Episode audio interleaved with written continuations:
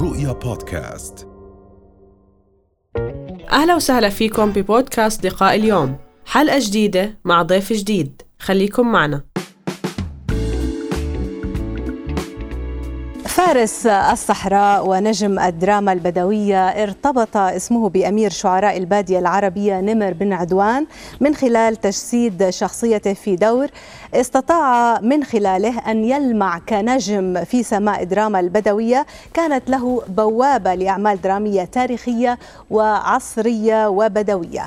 فمن مسلسل ذقار في دور عمرو بن ثعلب السيار إلى مسلسل زمان الوصل إلى مسلسل رأس غليس في دور رداد إلى أعمال أردنية محلية مثل شو هالحكي مسلسل عيون عالية.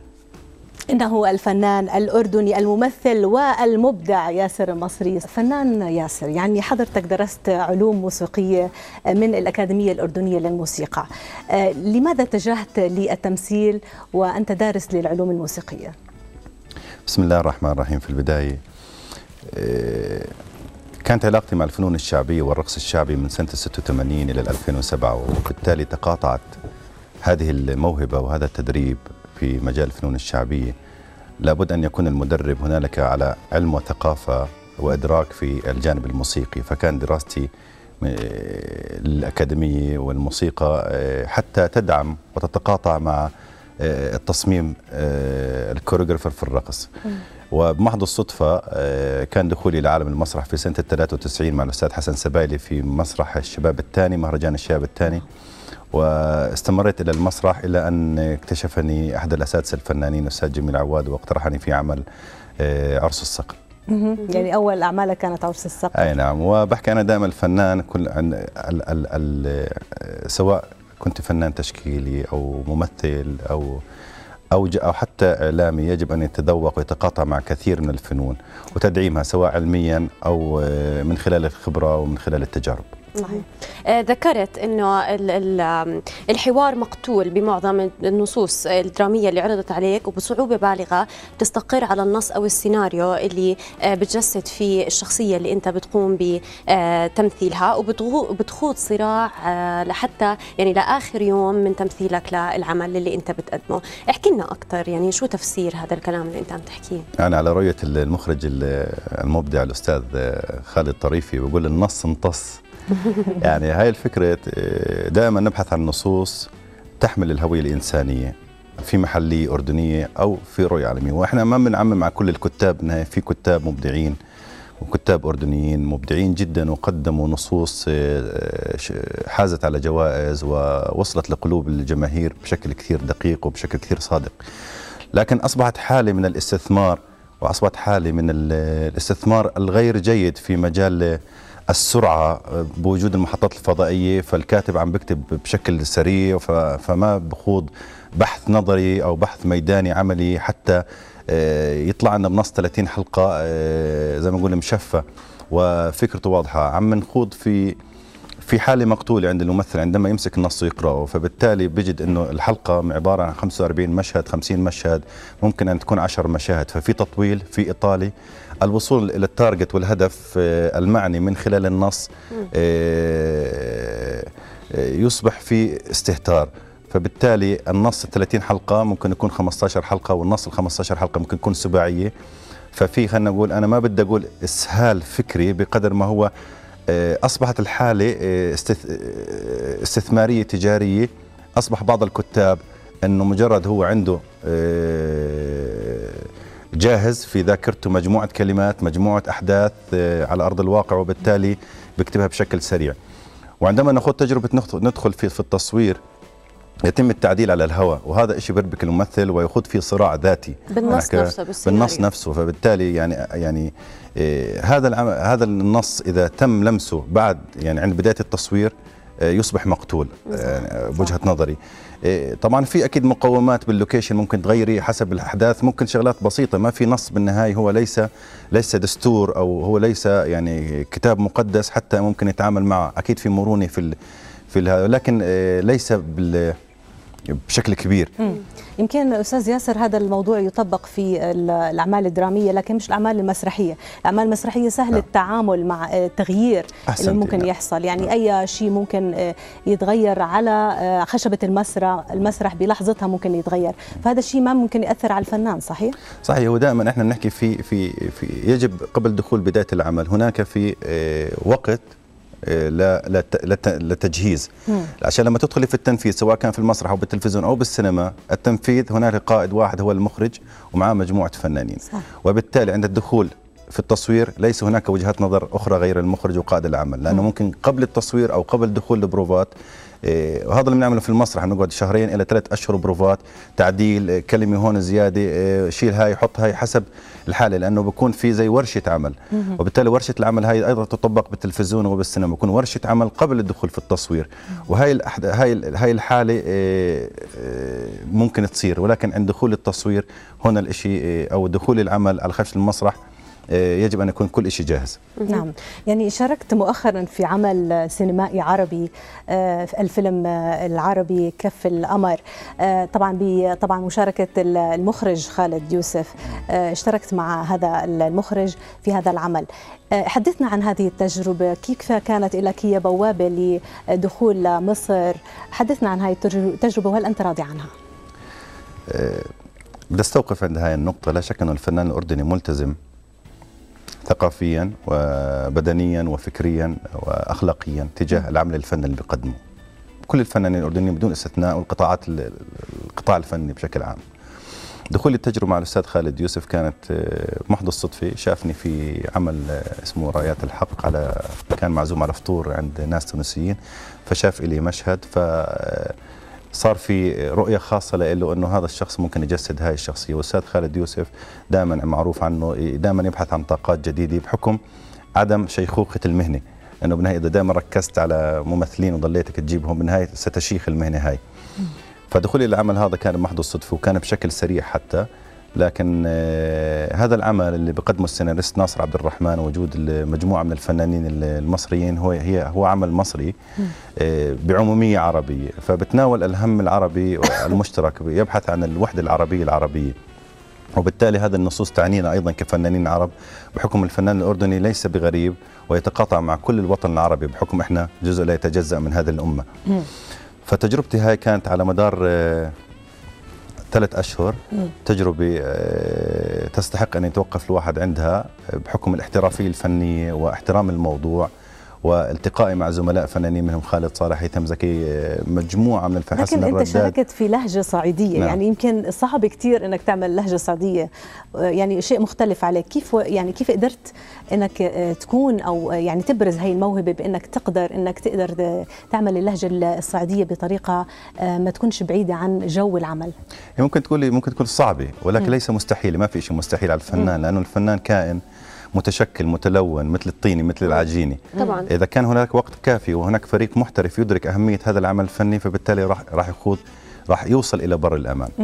فزي ما حكى الفنان الأردني دائما آه، في بحث آه، داخلي دائما وفي اجتهاد. فكانت هناك الظروف المناسبة من وجود المدقق اللهجي كان على مدار ال 24 ساعة وفي التصوير يعني على مدار الوقت مش 24 ساعة إنه وفي بروفات قبل ذلك تقريبا فترة كافية. وإشراف الأستاذ خالد أيضا على هاي اللهجة. ونحكي اللهجه المصرية أو اللهجة الصعيدية ليست غريبة علينا بوجود هذه الفضائيات الأعمال الفضائيات. آه. فبالتالي هي موجودة دائما في أذن موسيقية بتتلقاها وبتستوعبها. فكان هنالك تمرين واجتهاد وأتمنى أكون موفقت كفنان أردني إنه كذا. اللهجة الصعيدية. هذا بحكي إنه كثير بتتقنها أنا ما سمعته بس هذا عم بتقول لي رولا آه. هاي الجاليري في مشهد بعد ما انه يخوض صراع ما بينه وبين إخوانه آه، فبالتالي أخوهم الاستاذ خالد صالح بيقوم بدور ذكري اللي هو أخونا الكبير بيبحث عن إخوانه حتى يلم هذا الشمل. فبحكي لي أمك عايزاك يعني أمك عايزاك فبقول له تعافيتي على نفسك كثير يا قمر. طول عمرك تسقينا ورقك ناشف توكلينا وتقولي شبعانة تزقينا ننزل مصر ونسيبوكي. رقدتي يا قمر رقدتي يا قلب اخضر. ما حد زقاكي مي كنا فين يا كبير وإحنا محملين عليها وساكتين؟ وش بعت إياك؟ كبرت كرشك. ما سألتش قمر بردانة ولا الشمس كلت وشها. قمر جعانة ولا المرض هرس كبدها. أنا بحكي دائما يمكن لأنه خطط يعني خطط اللغة العربية الفصحى تتقاطع أيضا مع مع, مع كثير من القالب اللغوي في الأعمال البدوية وأيضا الصعيديه لانها لها إيقاع ورذم موسيقي مختلف عن الإيقاع العام في أو أو اللهجة العامية المحكية. فكانت ليس غريبة علينا وزي ما حكيت يعني. لأنك أتقنت أنت اللهجة البدوية يعني بعملك آه، بنمر من العدوان ومسلسل آه، آه، عيون عليا عيون عليا يعني كنت مبدع بالحقيقة بهذا شكراً. العمل ويعني فاجأتنا كونه عمل أولي لك كمسلسل بدوي نمر من العدوان. عملت هالشخصيه بطريقة فعلا مميزة. حدثنا عن هذا العمل أستاذ ياسر. يعني أنا اشقي الدراما البدوية بشكل خاص. كان من خلال من خلال المحطة المحطة الأرضية الأردنية أو المحطات الأرضية الأردنية في ذلك الوقت قبل وجود انتشار الفضائيات في الوطن العربي. فكنا إحنا في كنت عايش في دول الخليج أنا كنت في الكويت فبالتالي الخليج كله يعشق الفنان الأردني. وكنا الفنان الأردني كان يقدم الأعمال البدوية والتاريخية فعشقتها منذ الصغر يعني. ودائما حلمي وإحساسي في نفسي إنه دائما صحراوي بحكي عن حالي. فكانت تجربتي من خلال مسلسل راس غريس الجزء الأول اللي في سنة 2006 بعد انقطاع درامي. هو عمل بدوي أي نعم عمل بدوي. بعد انقطاع درامي تقريبا ما يقارب من سنة التسعين نتيجة أحداث سياسية صارت في المنطقة. سببت ألم للفنان الأردني نتيجة عدم تفهم الآخرين لل للسياسة الأردنية المنفتحة على العالم والآمنة في في في الوحدة العربية. فكان دخولي للعالم هذا يعني عبارة عن لقيت اللي ضايع مني. فتجربتي الأخرى كانت نمر بن عدوان اللي هي آه، كيف تم اختيارك لهي الشخصية؟ مين اختارك؟ وهو أنا دائما أحكي المنتج آه، طلال عواملي بالاتفاق مع المحطة أكيد وبالتالي إن تجربة راس غليص الجزء الأول قدمت فيها شخصية رداد يمكن أهلتني إنه في يكون في مواصفات ممكن تشيل هاي الشخصية رغم إنها صعبة وعدد مشاهد كبيرة وكنت على مدار 115 يوم في مكان التصوير من فريق العمل كلياته. أنا ما ارهقت لحالي قدمنا هذه التجربة آه، وقدمت نجاحها على مستوى الوطن العربي. ليس لأني آه، قدمت هذه الشخصية فقط لأن هذه الشخصية أيضا تحمل من الإرث الإنساني والموروث الإنساني في شبه الجزيرة العربية ومعروف نبر بن عدوان آه، رحمة الله عليه معروف كشاعر وكإنسان في تلك الفترة. فكانت شهرته من من نمر بن عدوان وليس أنه ياسر المصري أدى نمر بن عدوان. بالإضافة إلى وجود فريق عمل مخلص فنانين مخلصين مخرج بسام المصري مخرج عظيم يعني خلينا نقول هو اللي أشهرك آه، أستاذ ياسر. يعني آه، وضعك على سلم الشهرة لدورك المتميز طبعا بنمر بن عدوان. وزي ما قلت لنا هلا قبل شوي هذا الشعر اللي حكيته مع الصقر كان مش موجود بالسيناريو نعم بس صحيح. صار معك موقف احكي لنا عنه. صحيح. هو يعني دائما أهل المنطقة دائما بيكونوا موجودين معنا سواء كنا في الغور أو منطقة رام أو بالمفرق عم نصور. أهل المنطقة بيكونوا معنيين في هذا في هذا الموروث. فبالتالي من حبهم وعشقهم للحالة وحبهم للفنانين الأردنيين والفنيين. فبالتالي أحيانا بشكل فطري بيقترحوا شغله أستاذ شو رأيك تحكي هيك؟ في عندي شعر للصقر هذا كان مشهد ميوت ما في شيء فبحكي لي في عندي كم بيت هيك آه، آه، شو رأيك تحكيهم للصقر؟ بقول له أعطيني إياهم احكي لي إياهم. فكانت يعني تماما أجوا في موقعهم تماما يعني. بس أنا بدي أحكي شو نقطة مداخله لا شك إن الأعمال الدرامية الأردنية بشكل عام متميزة وصنعوها فنانين قبلنا وبالتالي هو نحكي عامل الشهرة أصبح في الزمن هذا يعتمد على كم المشاهد ومحطة يجب أن تكون مشاهد وعوامل أخرى كثير فهي بتعطي طابع الشهرة ولكن الفنان الملتزم يعني في فنانين ملتزمين قدموا الأعمال البادية. إذا ذكرت بالاسم مش يعني راح راح راح أكون مقل في حق كثير من الفنانين. لكن في فنانين كثيرين قدموا هذه هذا النوع من القالب ومهدونا الطريق آه، للشباب ولا زال إحنا بنمهد للجيل القادم فبالتالي هي سلسلة ومسبحة متكاملة لا تفصل عن آه، صح. الفنان اللي أبدع وقدم من 20 30 صحيح. سنة قدم صحيح. أعمال إلى الأعمال الناس اللي راح يقدموا الأعمال يعني القادمة. انت مع فكرة إنه آه، العمل إذا عرض على قناة فضائية معروفة ومتابعة ومشهورة ممكن هذا يساهم في انتشاره للفنان ممكن يكون محظوظ هذا الفنان كونه يعرض مثل على مثل هيك فضائيات صح للأسف يعني إنه إنه أصبحت هذه آه، خطوط رئيسية النص المخرج الإنتاج المحطة الفضائية. إذا كان في نص ومخرج وكذا عمل ممتاز وعمل مهم جدا. ولكن إذا عرض على محطة في جنوب أفريقيا في أقاصي البلاد وبالتالي ما شاهدوه غير بكون يعني عدد محدود من الناس. فبالتالي حقق يعني ما حقق هالتعب اللي ممكن عليه. ولكن المحطات تساهم إلى حد كبير. كبير جدا في انتشار انتشار الممثل طبعا. طب خلينا نحكي عفوا رندا خلينا نحكي عن انتقاء الممثلين. كثير عم نشوف بآخر فترة إنه هذا الفنان عنده علاقة بمنتج معين مثلا أو فنانة عندها علاقة بمنتج معين فهاي بتاخذ هذا الدور. إيش رأيك أنت أستاذ يعني ياسر بموضوع الشلالية بموضوع المصالح الشخصية بانتقاء الأدوار للممثلين؟ وكيف ممكن هذا يأثر على العمل الفني؟ أكيد بده ياثر يعني هي بالنهايه العمل الفني خصب وبالتالي زراعة الورود أو زراعة الأشجار بحاجة لكل يوم رعاية. إذا زرعتي خمس أشجار وبالتالي كبرت راح تشيخ. لابد من كل عمل تجديد ومن كل عمل آه، دخول عناصر جديدة وإعطائها الفرصة. بالتالي زي ما أنا وقفت مع الأستاذ زهير النباني زي مع الأستاذ روح الصفدي زي مع الأستاذ جميل عواز زي مع الفنان عبير عيسى ونجوم آخرين. أعطوني فرصة التعلم والتعليم معهم في خلال تحملوني أنه كنت يدوب أهج الحرف كمان. إحنا محتاجين دائما للتنوع وللتعدد يعني في في في طرح الممثل. ما بحكي بقصد إنه في بعض الشلاليات بحكم ال ال في مافيا داخل العمل الفني لا شك في كل كل العالم وليس الوطن العربي وليس في الأردن هون فقط لكن المافيا المافيا الفنية موجودة في كل العالم بحكم هذا لأنه الفنان بتحس في عنده دائما آه، عنده طاقة آه، إيجابية دائما في أنه وجوده في كل عمل وهذا ممكن طيب. يستهلك هذا الموضوع. ولكن هي بحكي شغلة واحدة. كمان هي حالة إيجابية بنفس الوقت أنه يكون في مش شلالية يكون في فريق عمل. أنا برتاح مع مصور معين برتاح مع فنان معين. ممكن أتعامل معه أنا في بقدر يعطيني الطاقة الإيجابية زي ما يكون في فنانين جوكر. فالجوكر هذا ممكن تحطه في دور شرف أو تحطه بطولي ولكن ليس دائما تلصق له البطولي لأنه بالنهاية يعني باخذ من من من فرصة الآخرين. بس خلينا إحنا هلأ نحكي عن الواقع الحالي للمسلسلات والأفلام اللي خلينا إذا نحكي على الأفلام المصرية. بتحس أحيانا إنه في ممثلين بيظهروا على هاي الأفلام أو المسلسلات بغض النظر عن الكفاءة الإبداعية لمجرد مجرد العلاقات الشخصية بتحس هذا الشيء بتلمسه ولا لا؟ يعني ما بحكي لا يستحق بقدر ما هو خلينا نحكي الإعلام وتسليط الإعلام. ضخ هذا الفنان يصبح سلعة آه، مرغوبة أحيانا عند المشاهد لأنه عم تفرضيه عليه. صحيح. فبالتالي لما تفرضيه عليه أصبح جزء من حياتك فهمت علي؟ ف آه، يعني وجود التكرار أو الاستهلاك في الفنان ليس مصلحة الفنان أو الممثل نفسه. ولكن المنتج بالنهاية بيعرف إنه الفنان معين فلان فناني بالاسم هذا إنه يسوق للتلفزيون فبالتالي جيبوه قالب جاهز. فبخوض تجربة تجربتين وثلاث وأربعة وليس هذا في صالح الفنان أو الممثل نفسه يعني.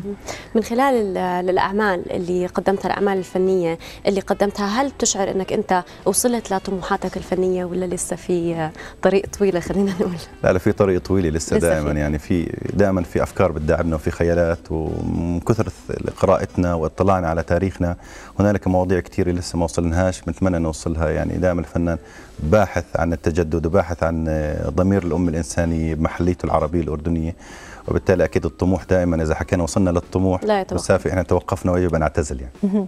من مواهبك أستاذ ياسر الفروسية حسب ما قرأت عنك يعني. آه، قديش الفروسية بتلعب دور بتساهم في تجسيد أدوار الأعمال البدوية خاصة في ركوب الخيل؟ يعني إحنا من أكيد بنتابع هالشيء هذا من طريق المسلسلات البدوية. قديش بتساهم؟ وخاصة أنه في صفات معينة للفنان اللي بده يجسد أدوار بدوية هناك صفات خاصة فيه لازم تكون متوفرة فيه. قديش هذا بيساهم؟ ساهم لحد كبير دائما. يعني الفنان الممثل خاصة. يجب, يجب أن يتقاطع مع مجموعة من الفنون. حكينا من الموسيقى من المسرح من كذا. قد ما قدرت تذوق من هذا الفن وخليه في رصيدك في الذاكرة الانفعالية حتى يفيدك. أكيد أكيد الفنان اللي بتمتع في ركوب الخيل والمبارزة و والتعامل مع كجسد مع هذا الكون الفضائي في الصحراء مميزاته أكثر يعني بتعطي فرصة للمخرج إنه يشتغل معك أكثر لما تركب يبدأ. الخيل وبالتالي ممكن المخرج يتحرك في الكاميرا براحته غير لما يحط من هاي double أو دوبلير فبالتالي صح. بده يقطع من بعيد أو بده يجي من فوق يخفي هاي. فبأخذ من شوية من من من فرصة المخرج إنه يقدمك بشكل صح. فحبي للفروسية آه، لا شك حكيت من زمان بيلعب دور بيلعب دور كبير. وهي معظم الفنانين الأردنيين يعني بيركبوا خيل هو هاي اساسات هاي اساسيات بالأعمال المدويه ولكن إحنا بنحكي وين الخطورة في المسألة إذا ما كان في خيل مناسب. لأنه الفرس الاصيل ما بتوقع صاحبها غير نسبة 1% والفرس اللي بيجيبوا لنا إياها في اللوكيشنات صعبة جدا فبالتالي بتوقعنا 100% فلازم نكون كثير شديدين وتعرضنا ل... ما كنت بدي أسألك إنه بالفعل تعرضت لأكثر من يعني وقعت أكثر من صحيح مرة وصار في مشاكل. حدثنا عن هاي المواقف ومش لحالي كثير من الفنانين وقعوا طبشوا نحكي يعني. كان آخرها مسلسل بيارق العربة عم بنقدمه صارت صدفة إنه خمس خيول واقفين جنب بعض خيل هاجت على خيل. آه. فشبت وانقطع السرج فبالتالي وقعت ف 17 قدبه واخترقوا وهنا انكسرت. فلكن الحمد لله كنت فقد ربنا رحمه هاي ضريبة النجاح. يعني بس هو هو غلط هو بالعادة خلينا نحكي دائما في بكون سيفتي في أمان دائما للمشهد قبل تطبيق المشهد. لكن إحنا بحكي بحكم الإنتاج أحيانا بكون والسرعة في العمل وعدم يعني في في ظروف معينة آه، توقع. وشغلات بتصير يعني. أستاذ ياسر في مقولة أنا كثير بتعجبني وبحسها كثير من الفنانين المتميزين بسمعهم بيحكوها. بيقولوا لك إنه من الصعب أن تصل إلى القمة ولكن من الأصعب أن تحافظ على بقائك في القمة. أنت حصلت على النجومية أستاذ ياسر بس إيش مخططاتك للبقاء أو للمحافظة أو للحفاظ على شهرتك وعلى نجوميتك؟ النص الجيد والعمل الجيد والموضوع اللي بخاطب وبوصل لعقلية الناس وبحترم عقلية الناس وبحترم فكر الناس وليس في هناك إسفاف أو استهتار في هذا المشاهد الذكي. الحفاظ على هذول العناصر أكيد يعني بضلك تقريبا آه، متوازنة على البساط السحري لأنه يمكن ممكن بتكون إحنا بحكي الأرض دائما متكسرة حواليك ولكن بتيجي فترة آه، الفنان بصبح أمام آه، على بساط متوازن فالحفاظ على هذا البساط والحفاظ على هذا المحبة لدى الناس يجب أن تختار العمل الجيد والوقت المناسب إنه تعمليه. لكن أنا بحكي دائما العمل الامتيازي أو العمل اللي بنحكي عنه آه، رائع جدا ومقدم حالة فنية مكتملة قليل ما يجي. فالفنان بيشتغل إلى حد ما في آه، الحد الأدنى دائما إنه يحافظ على الجيد المرتفع دائما في أعماله. لأنه العمل إذا استنيت العمل اللي ممكن يقدمك بشكل دائما صحيح راح نتوقف لمدة آه، أعتقد إنه سنوات لأنه وإن شاء الله ما تتوقف تضل مستمر. يعني إحنا حاليا يعني. عم نسمع على تحضيرك لمسلسل توأم روحي آه اللي راح يتم تصويره في البحر وتم. تصويره تم وخلصنا ونهيناه قبل العيد بيومين. آه خلصنا نعم خلصنا طب ممتاز. يعني هو تم تصويره أعتقد في البحر الميت نعم. والعقبة وأيضا في وادي رام. نعم تقريبا. آه يعني آه. هو كعادته الأستاذ عصام حجاوي المؤسس مؤسس عصام حجاوي دائما دائما في في منظور في تناول الأعمال أن تقديم البيئة الأردنية بشكل كثير آه، جيد. يسوق لل يسوق للأردن من خلال الأعمال نعم. الدرامية. وليس بقصد التسويق ولكن بقصد خدمة العمل الدرامي السياحة الأردنية. لأنه من ضمن طبعا. يعني أعتقد الفنان والاعمال الفنيه هي رأس مال الوطن أيضا وهي ممكن تجيب حتى استثمار هائل بالتالي. فهو العمل من إخراج الأستاذ المبدع الفنان الشاب سائد هواري. ومؤسسة عصام حجاوي من إنتاج ومجموعة من الفنانين الأردنيين عمل بطولة صفاء سلطان. والفنانة الكبيرة اللي بكنا لها كل احترام العبير عيسى وجميل براهمي ومجموعة من الفنانين. لو بدي أذكرهم يعني راح يكونوا عددهم. إمتى راح نشوفه على الشاشات إن شاء الله؟ بإذن الله قريبا راح يكون هذا بإذن إن شاء الله الله. إن شاء الله بتتوقع له نجاح كبير أستاذ ياسر؟ يعني في نقله نوع في نقلة نوعية دائما الأستاذ سائد بيقدم نقلة نوعية في أعماله. فهذا العمل من الأعمال الاجتماعية المحببة آه، موضوعها وفيها فيها من نوع من الخيال والواقع. آه، وبتقدم أحداث آه، يعني بتحكي عن البورصة وبتحكي عن صراع إنساني داخلي. فأي شيء فيه انسانيه وبيحمل مضمون إنساني أتوقع يوصل للناس بصدق خاصة إذا كان الفريق طيب. صادق يعني. رؤيا بودكاست.